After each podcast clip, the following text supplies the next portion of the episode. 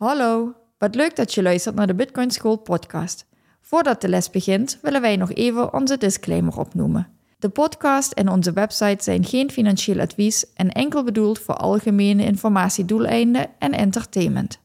Vind je onze podcast leuk? Hecht je er waarde aan en wil je de podcastaflevering al een dag eerder beluisteren? Neem dan een kijkje op petjeaf.com slash bitcoinschool. Alvast bedankt en dan beginnen we nu aan de les.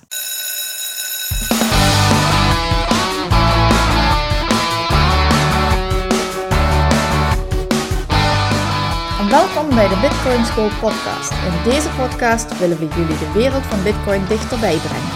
Dit doen we door Bitcoin op een eenvoudige manier vanuit de basis uit te leggen. In deze aflevering gaat het over Bitcoin-transacties. Transacties inderdaad. Ja, want we hebben de vorige keren al vaker de marktpleinanalogie gepakt. Mhm. We hebben ehm, in een van de vorige afleveringen besproken hoe het met de miners zit. Mhm. Maar hoe werkt nou eigenlijk de transactie zelf? Oké. Het schreeuwen van ik wil graag een transactie doen. Precies, als ik nou naar jou schreeuw, ik wil een transactie doen, Mhm. hoe werkt dat dan? Ja. En we hebben het, en daar wil ik nou deze keer toch op terugkomen, dus ik ga ze toch alvast benoemen. Heel lang geleden in aflevering 4 alles gehad over de public en de private keys. En toen gezegd, ja, maar daar gaan we het niet over hebben. En misschien is het nou wel een mooi moment om dat nu op te pakken. Nee, mensen die inderdaad tot deze les gekomen zijn, die vinden het super interessant. En die willen graag meer weten. En we gaan nu ook ietsje verder de techniek in. We de vorige les hebben we dat natuurlijk ook al gedaan. Maar we gaan nu ietsje verder de techniek in. Zodat we mensen duidelijk maken hoe het precies werkt. En laten we voor deze les eventjes het zo makkelijk maken en zeggen dat ik bitcoin heb en jij geen bitcoin hebt. En ik wil naar jou bitcoin overmaken. Omdat eh, ik iets van jou gekocht heb. Mhm. Dus ik wil van jou bitcoin hebben, want ik heb iets wat jij wil en jij hebt de bitcoin die ik graag wil. Mhm. Wat heb ik dan ook alweer nodig? Misschien moeten we daar starten. Dus ik heb eh, een, een, een wallet nodig. Ja, we hebben, Iets les, waar jij het naartoe over kan maken. ja, we hebben in les 4 hebben we inderdaad aangegeven dat je dan een wallet nodig hebt. En dat je een bitcoin public key nodig hebt. En zo'n public key wordt ook wel een ontvangstadres of een adres. Ja, een soort van IBAN-nummer, zodat ik überhaupt iets heb waar jij het naar over kan maken. Ja, en voor alle duidelijkheid, dat IBAN-nummer is een public adres. Hè? Een, een een adres, een Openbaar. public key en het Mhm. is openbaar. Dus iedereen kan zien wat de balans is op dat adres. Je kan dat adres kan je op een bepaalde website kan je dat ergens invoeren en dan krijg je te zien: oké, deze transacties zijn er geweest vanuit dit adres. Dus dat is in tegenstelling tot een normale bankrekening, waar je ook een IBAN-nummer of hè, Mhm. een eh, nummer hebt, bankrekeningnummer Mhm. hebt. Dat geef je uit, zodat mensen daar geld op kunnen overmaken. Verder kunnen ze daar ook niks mee. Ja, ze kunnen niet zien wat de balans is Maar ze op mijn dus- IBAN-nummer. Nou ja, precies. Ze kunnen dus ook niet zien wat erop staat. En dat is dus bij Bitcoin anders. Ja, klopt inderdaad. Dus iedereen kan inzien wat op bepaalde bankrekeningnummers, IBAN-nummers staat. Mhm. Alleen is het wel gepseudonymiseerd. Dus je ziet dan niet bij wie die rekeningnummer hoort. Nee, je ziet adres 1234 en eh, iedereen op de wereld kan zien adres 1234, maar weet niet dat adres 1234 bij Marina hoort. Ja, oké. Duidelijk. Dus Alleen ik heb... alleen ik weet dat, omdat ik geld naar jou over wil maken. Even voor alle duidelijkheid. Hè? Jij geeft mij een bepaald adres, Ja, 1234. jij kan ze dan toch En- wel linken. En ik kan dan, en daarom is het voor degene die, als jij je public key aan mij geeft. Trouwens, ik gebruik public key en adres gebruik ik door elkaar omdat het praktisch hetzelfde is. Bijna, het is niet helemaal hetzelfde, maar dat is nou te technisch om Ja. daarop in te gaan. Dus wij noemen het nu door elkaar. Als we echt eh, hè, in detail willen gaan, dan zijn het twee verschillende dingen. Ja, precies. Oké. Jij kon het bankrekeningnummer aan mij linken. Als, ik, als jij iets aan mij wil overmaken en ik geef jou die public key, dan weet jij dat die public key bij mij hoort, anders zou ik niet die public key gebruiken. Precies. Dus ik kan op het moment dat jij mij jouw adres geeft, kan ik zeggen: ik wil naar adres 1234 wil ik Bitcoin overmaken. En ik weet dan inderdaad dat adres 1234 bij jou hoort. Maar de rest van de wereld hoeft dat niet te weten. Ja. Nou, zit ik even te denken, er zit geen derde partij tussen. Nee, precies. Dus hoe weet ik dat jij überhaupt genoeg bitcoin hebt om mij dit over te maken? Hoe je weet dat ik genoeg bitcoin heb, dat is een, hetgeen wat het systeem controleert. Dus op het moment dat ik die transactie over het marktplein schreeuw, dan zijn de miners die die transacties opschrijven en die gaan kijken van oké, het adres van Paul, staat daar genoeg bitcoin op om dat überhaupt naar Marina over te kunnen maken. De miners die controleren dat. De miners die hebben we gezegd dat die die schoenendozen vullen met alle transacties. En als die schoenendoos gevuld is, dan worden die schoenendozen worden um, weer verdeeld over het netwerk naar de scheidsrechters. En de scheidsrechters controleren ook nog eens een keertje of daar alle transacties die in die schoenendoos zitten, of die volgens hun systeem geldig is, ja of nee. Dus het, het systeem controleert of ik genoeg balans op mijn Bitcoin-adres heb staan om naar jou überhaupt over te kunnen maken. Oké, misschien kunnen we daar straks nog even wat uh, gedetailleerder op ingaan. Mm Waar komen nou die public en private keys vandaan? Dat heeft dus te maken met mijn wallet. Dus blijkbaar heb ik een wallet aangemaakt en dan heb ik ineens public en private keys. Mhm. Maar hoe, hoe werkt dat, zeg maar? Kun je daar iets meer over vertellen? Oké, vanuit jouw wallet heb jij, als je een non-custodial wallet hebt, en dat hebben we in les 4 Ja. hebben we dat Kun je nog eens even uitleggen wat het is? Non-custodial is als jij zelf ehm, de bitcoin in je eigen beheer hebt. En custodial is als bijvoorbeeld een exchange of een andere partij jouw bitcoin in hun beheer hebben. Ja, dus bijvoorbeeld bij een hardware wallet, daar krijg jij jouw 24 woorden. En ook als jij op, ehm, op je smartphone een wallet downloadt waar je 24 woorden krijgt, heb jij een wallet en die noemen ze dan non-custodial. En vanuit die non-custodial wallet worden er Bitcoin-adressen worden er gegenereerd. En aan één combinatie van 24 woorden kunnen praktisch gezien oneindig veel ontvangstadressen gekoppeld worden. En daarmee is het ook gepseudonymiseerd, want jij kan aan mij kan jij aangeven mijn adres is 1234 en aan iemand anders kan je zeggen mijn adres is 2345. En dan weer iemand anders kan je zeggen mijn adres is 3456. Want je krijgt meerdere adressen vanuit één wallet.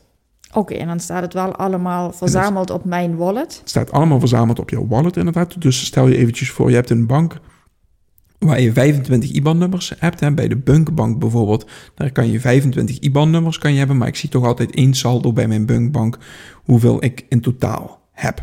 Nou, dat werkt hier eigenlijk bijna hetzelfde. Oké.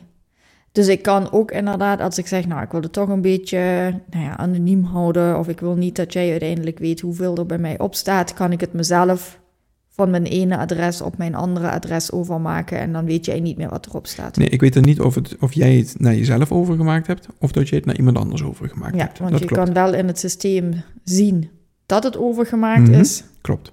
Oké.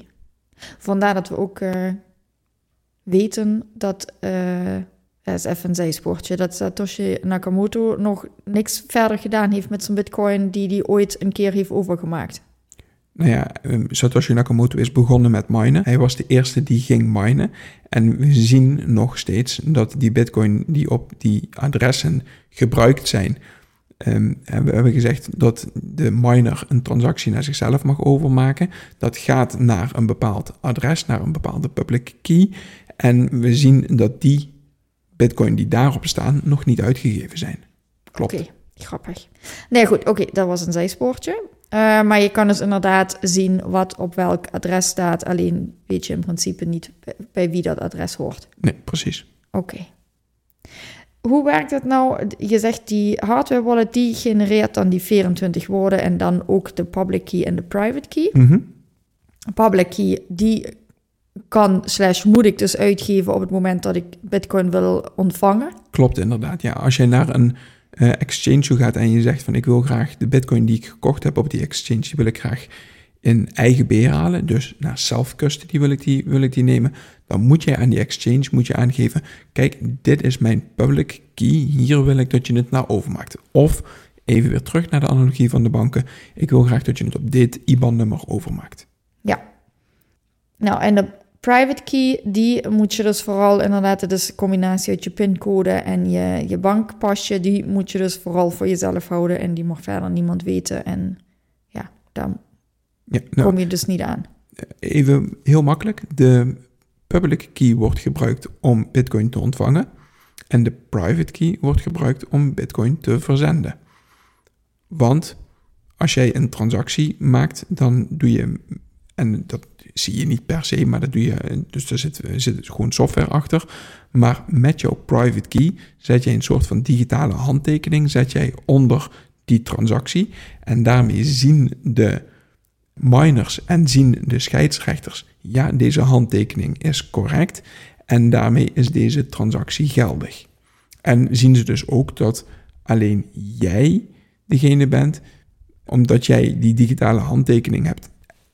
Dat kan geverifieerd worden door miners en door scheidsrechters, dat jij degene bent die dus een, die transactie gemaakt heeft en niemand anders kan die transactie vanuit dat adres goedkeuren.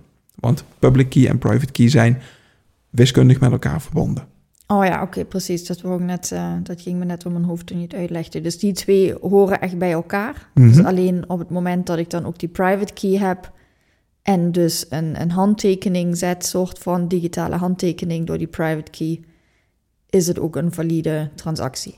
Klopt inderdaad, want anders zou bij wijze van spreken zou ik kunnen zeggen van oh ik wil graag of eh, laten we het zo zeggen, ik kan nu niet naar de bank bellen en zeggen ik wil van het IBAN-nummer van Marina wil ik geld overmaken naar het IBAN-nummer van mezelf.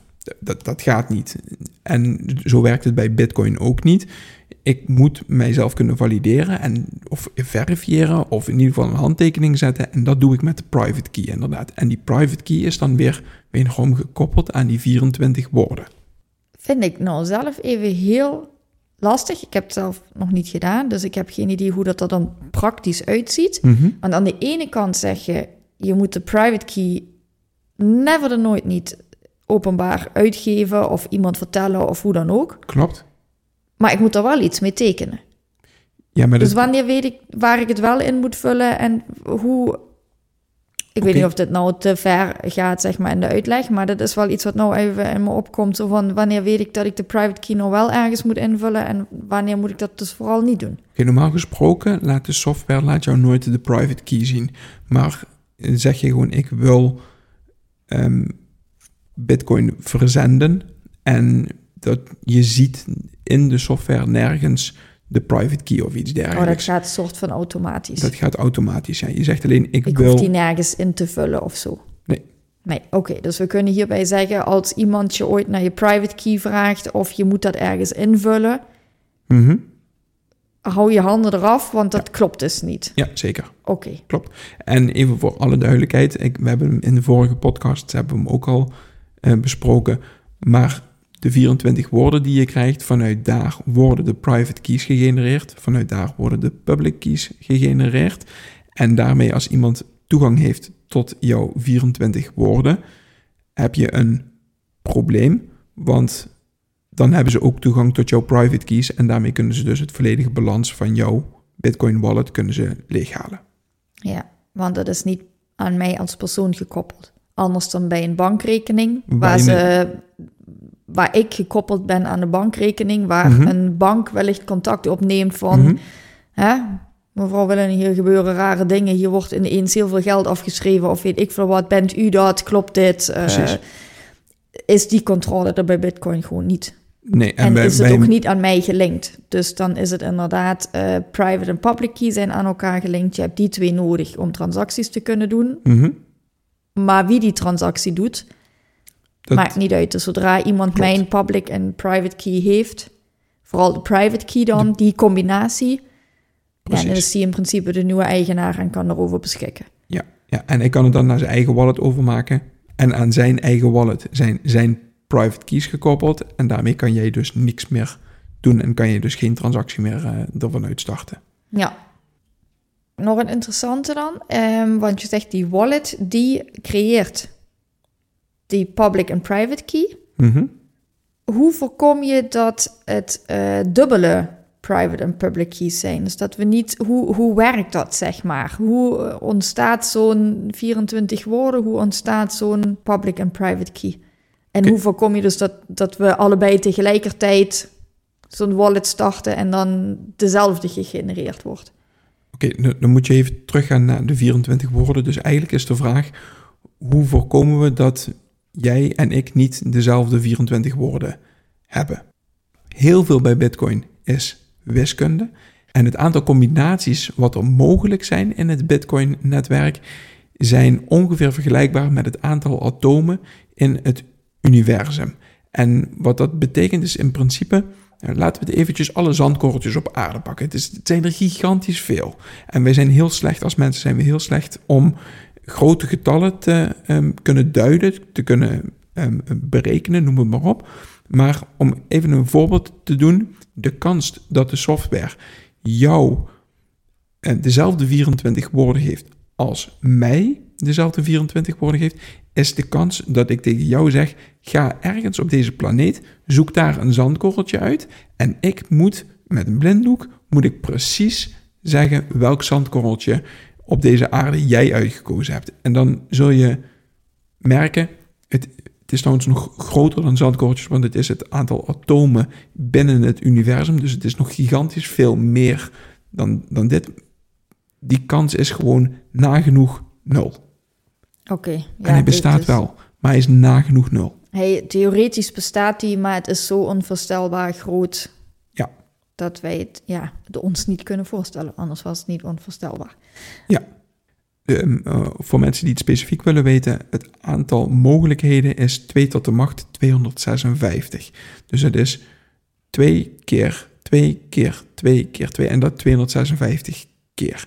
En dan kom je op gigantisch, onvoorstelbaar grote getallen kom je uit. Je gaat van 2 naar 4, naar 8, naar 16, naar 32 en dat in totaal 256 keer en dan kom je op een ontiegelijk groot aantal. Dat zeg maar is de mogelijkheid van de verschillende aantal woorden met elkaar gecombineerd, waardoor je dus telkens die 24 unieke woordencombinaties krijgt. Precies, en daarmee kan ik eigenlijk zeggen dat de kans dat jouw 24 woorden gelijk zijn aan mijn 24 woorden, Ja, dat dat gelijk is aan 0. Ja, ja, precies. Oké. Ja, dan hebben we het net al heel even besproken. Hoe weet ik nou dat jij genoeg bitcoin hebt om mij überhaupt iets over te kunnen maken? Mhm, Eh, we hebben ook in een van de vorige afleveringen besproken hoe de miners werken. mhm. En we hadden ook al eens een keertje benoemd dat er scheidsrechters zijn die ook nog controleren. Ja. Misschien is het nu ook een mooi moment om dat dan uit te leggen. Om te vertellen dat de scheidsrechters in het Bitcoin-systeem niet echt scheidsrechters benoemd worden, maar nodes. Ja, en Ja. dat wij allemaal een node zouden kunnen draaien, zoals ze dat noemen. Ja, klopt. Wat je zou kunnen doen is op jouw PC of laptop thuis kan je de Bitcoin software downloaden. En daarmee, op het moment dat je dat doet en je start de software op, wat gaat hij doen? Hij gaat zich verbinden naar het Bitcoin-netwerk en hij gaat de hele blockchain, dat hebben we in de vorige les hebben we dat eh, geleerd wat het precies is. Hij gaat de hele blockchain gaat hij downloaden. Dat kan wel eventjes duren, dus dat kan een tijd duren. En je zou ook echt een harde schijf moeten hebben die groot genoeg is op dit moment om eh, dat te kunnen downloaden. Maar die mogelijkheid heb je en die mogelijkheid heeft in principe iedereen. Op het moment dat je dat gedaan hebt, dan doe jij mee aan het Bitcoin-netwerk en ben jij een van de scheidsrechters. En als er dan een miner is en die zegt van ik heb het spelletje gewonnen, ik heb de schoenendoos gevuld, hier is een nieuw blok. Wat doet mijn software dan? Wat doet mijn node dan? Die controleert de miner en die controleert of alle transacties die in dat blok zijn, inclusief de transactie van de miner dat hij zichzelf wat bitcoin uitgekeerd heeft, controleert hij mijn node of dat dat volgens de spelregels van mijn node is gegaan. Dus het ligt eraan welke software jij geïnstalleerd hebt. En dat was ook het stukje op het moment dat iemand eh, hè, denkt die spelregels te wijzigen. Mhm. Dat kan, maar Ja. dan ben je niet meer onderdeel van het Bitcoin-netwerk. Ja, een, een miner kan bijvoorbeeld zeggen van ik maak 600 bitcoin naar mezelf over. Dat doet hij in een transactie en die laat aan mij zien van hé hey, kijk, ik heb hier, die probeert vals te spelen. Die zegt ik heb hier een transactie, 600 eh, bitcoin gaan naar mij, want ik heb het spelletje gewonnen. En wat gebeurt er dan? Dan zegt mijn software zegt van hé, hey, hier is vals gespeeld. Ehm, ik, ehm, Neem deze blok niet op. ja, ik neem deze blok niet op in mijn blockchain. blockchain in, in mijn grootboek, om het zo maar te zeggen. En ik wacht wel op de volgende eh, miner die met een geldig blok aankomt. Dus eigenlijk de tweede winnaar in het spelletje, zeg maar, plaats twee, die schuift dan eentje op en die wordt dan gecontroleerd. Ja, precies. En als die dan wel volgens de spelregels heeft gespeeld, dan eh, Ja, en, is dat de en, winnaar. en dat zorgt ervoor dat de miners eigenlijk nooit willen vals spelen. Want op het moment dat ze vals spelen, dan hebben ze energie gestoken in een bepaald spelletje, waarbij ze vals gespeeld hebben, waarbij ze dus in principe de energie die ze erin gestoken hebben, eigenlijk ja, teniet gedaan is, want het wordt niet aangenomen door het netwerk. Ja, en daardoor krijgen ze ook de beloning niet en daarmee was alles voor niks. Precies. Dus dan hebben we ons maakpleinverhaal een beetje rond, Mhm. denk ik. Ja, maar even, heel even terug op het vorige. Er zijn twee regels in, eh, in Bitcoin: not your keys, not your coins.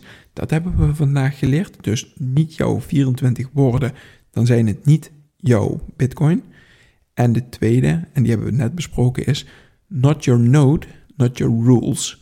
En dat is op het moment dat jij jouw eigen node draait, dan ben jij een van de scheidsrechters van het Bitcoin-systeem.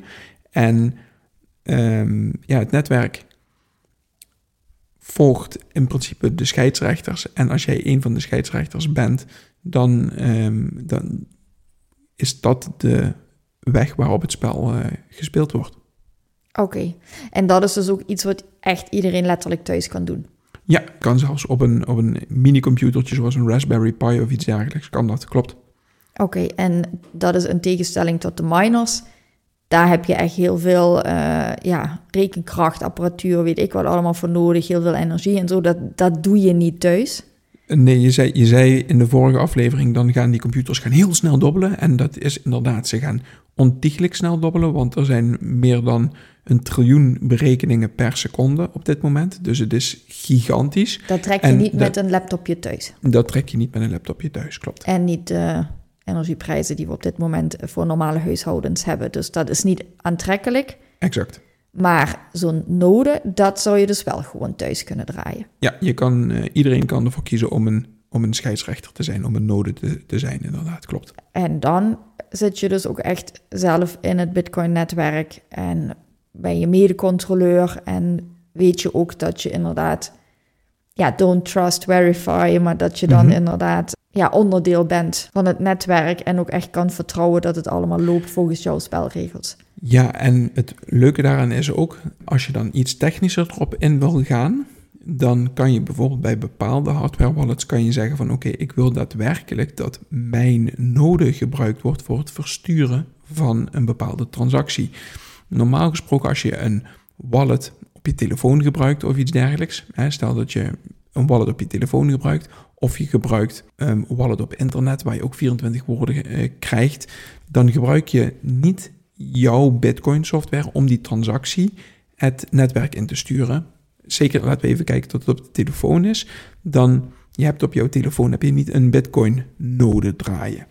En dan gaat het dus, die transactie wordt doorgestuurd naar de servers van de ontwikkelaar van de software. En dan heb je weer een third party waar een transactie naar gestuurd wordt. En die third party kan in principe al zeggen, nog voordat het het netwerk binnenkomt van Bitcoin, sla ik deze transactie af. En op het moment dat je een eigen node draait, dan kan het niet meer afgeslagen worden, die transactie. Dan zorg jij ervoor dat jouw transactie altijd het Bitcoin-netwerk inkomt. Nou, dan is het dus ook echt decentraal.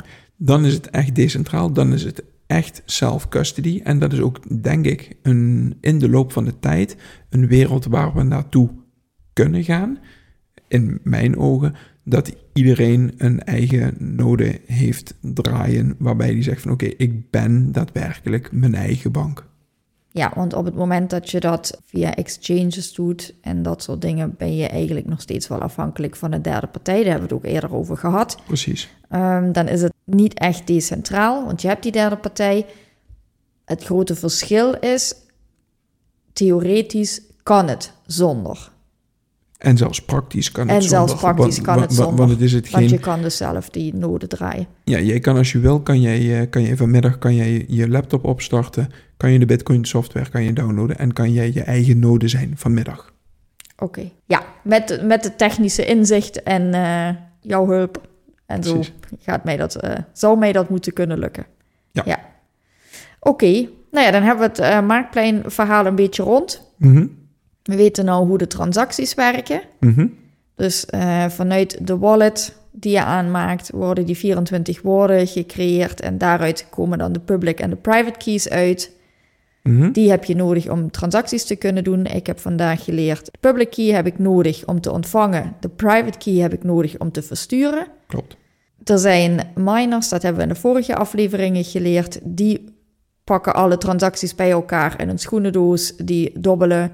Wie als eerste het dobbelspel wint, die ehm, mag zich nog een reward erin schrijven, Ja. dekseltje erop. En dat is dan één blok. En vervolgens komen de scheidsrechters, de nodes, dat hebben we vandaag geleerd. En die controleren dan wederom of de blokken ook in de volgorde kloppen, of dat past, of eh, er geen gekke dingen in staan. Of alle transacties eh, in het blok correct zijn volgens de regels van de node. Ja, Ja. En omdat, zit ik nu nog even aan te vullen, eh, het een chain is inderdaad, eh, kun je zeg maar ook controleren de adressen van wat is er ooit op en afgegaan en klopt dan ja de precies. transactie nu nog. Precies. En dat is ook hetgeen, het verifiëren, dat is dus inderdaad dat bijvoorbeeld een node gaat kijken van, en dat hoef je niet allemaal handmatig te doen, dat doet de software voor je, maar dat de node gaat kijken van, hey, staat er überhaupt wat op dit adres? Zie ik in mijn chain dat er ergens een transactie is, dat er van een ander adres naar dit adres iets overgemaakt is? Want alleen dan kan er ook daadwerkelijk iets overgemaakt worden naar jou weer. Ja, precies. Dat was het stukje hoe weet ik dat jij überhaupt genoeg hebt. Maar dat houdt het systeem in de bloks bij Precies. dat er ooit iets op jouw adres is gegaan en hoeveel, en waardoor jij nu aan mij kan overmaken. Ja. Ja, dan hebben we het denk ik eh, rond. Yes. Verder nog aanvullingen? Voor mij eh, op dit moment niet. Nou, mooi. Dan zou ik zeggen, aanmerkingen, opmerkingen, vragen zijn van harte welkom. Jullie vinden ons op de grote podcastplatformen en op onze eigen site natuurlijk. En we zouden het heel leuk vinden als jullie iets van een commentaar achterlaten of een review of gewoon vijf sterren zijn we ook heel blij mee. Yes. Goed, nou dan tot de volgende keer. Oké. Hoi hoi. Doei doei. Bedankt voor het luisteren van deze les. Je kan onze podcast beluisteren via Spotify, Apple Podcast, YouTube en alle andere grote podcastplatformen. Wij zijn ook actief op Twitter en Instagram. Daar kun je ons bereiken. Heb je dus vragen of opmerkingen, stuur ons dan een berichtje naar bitcoinschoolnl op Twitter of Instagram. Groetjes en graag tot de volgende les.